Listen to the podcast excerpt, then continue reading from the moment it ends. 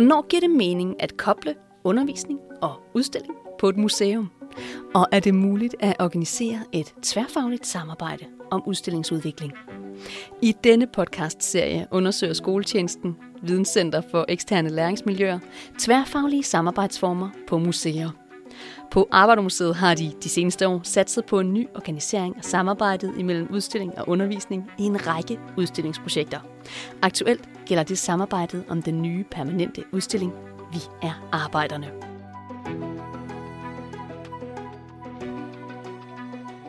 I den her udsendelse går vi tæt på samarbejdet fra et scenografperspektiv.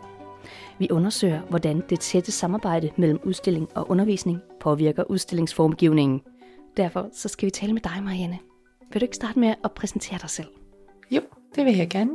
Jeg hedder Marianne Hartvig Nielsen og er uddannet scenograf og øh, har arbejdet her på museet siden 2010 som øh, formgiver med formgivning og udstillinger og øh, har før det arbejdet øh, med teater i nogle år. Hvordan starter et udstillingsprojekt som via arbejderne? Hvordan starter det for dig?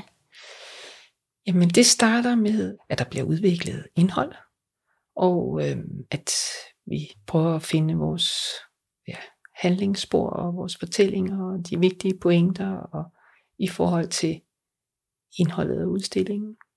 Efterfølgende, jamen så skal det jo så udmunde sig i en, i en formgivning, som kan bære det her indhold. Er der et begreb, der er særligt vigtigt for dit arbejde i processen her? Det er stemningerne. Det er meget stemningerne. Men man kan sige, det skal jo også veksle udstillingen. Altså du skal jo ligesom gå rundt og få en formidling på forskellige måder. Så det hele kan jo ikke være stemningsfyldte interiør, eller sådan. Du skal jo bevæge dig ud og ind, så du får det fra så mange sider som overhovedet muligt. Ikke? I det arbejde, hvordan oplever du så, at I har et ret tæt tværfagligt samarbejde? Hvordan oplever du det? Jamen det oplever jeg som en meget stor gave, at vi øh, arbejder på tværs meget tidligt i processen. Både i forhold til indhold og, og også også formgivning, at det er en, en dialog. Altså jeg oplever det som en rigdom, fordi det bliver mange dimensioner, der kommer ind omkring vores øh, udvikling af vores handlingsspor. Og øh, ja, så det, det er bare, det, er, det gør bare, at det bliver bredere, og, og man ser det fra mange vinkler med det samme. Hvordan så med selve undervisningsperspektivet? Hvordan påvirker det arbejdet? jamen det påvirker mit arbejde på den måde, at jeg synes, øh, måden at gå til formidling på, er meget inspirerende, også i forhold til formgivning. Fordi det er jo, i hvert fald sådan som jeg har oplevet det, så bliver det en måde at arbejde med, at prøve at, at gå til stoffet fra så mange sider, og forskellige måder at fortælle de samme ting på, og den måde sådan at åbne det op på. Øhm, og der er meget af det, som er inspireret i forhold til rum og sanselige oplevelser. Og det er jo både et benspænd og en, fordi man jo også sidder med, ja, så skal der være 30 eller 25 til, øh, der skal være plads til. Ikke?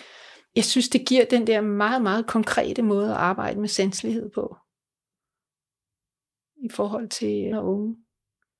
Og, og så ved jeg godt, at der vil være rigtig mange, altså man kan ikke honorere de sanselige oplevelser, også heller ikke til store grupper. Og derfor vil der jo også tit være, hvor de bliver delt op i mindre grupper, men, men øh, og der vil være ting, som, som vi ikke kan give dem, som de almindelige museumsbesøgende får. Øhm, men ønsket om, hvad de skal have med sig, det er i sig selv inspirerende i forhold til rummene. Og tit vil man ønske, at de andre publikummer også havde omviser og fortælle, altså fordi det er bare noget andet. Ikke? Det, det giver noget helt andet. Men det de mister så, det er jo så, mm, det kan være de sanselige oplevelser, som man bedst har bare et par stykker eller alene. thank you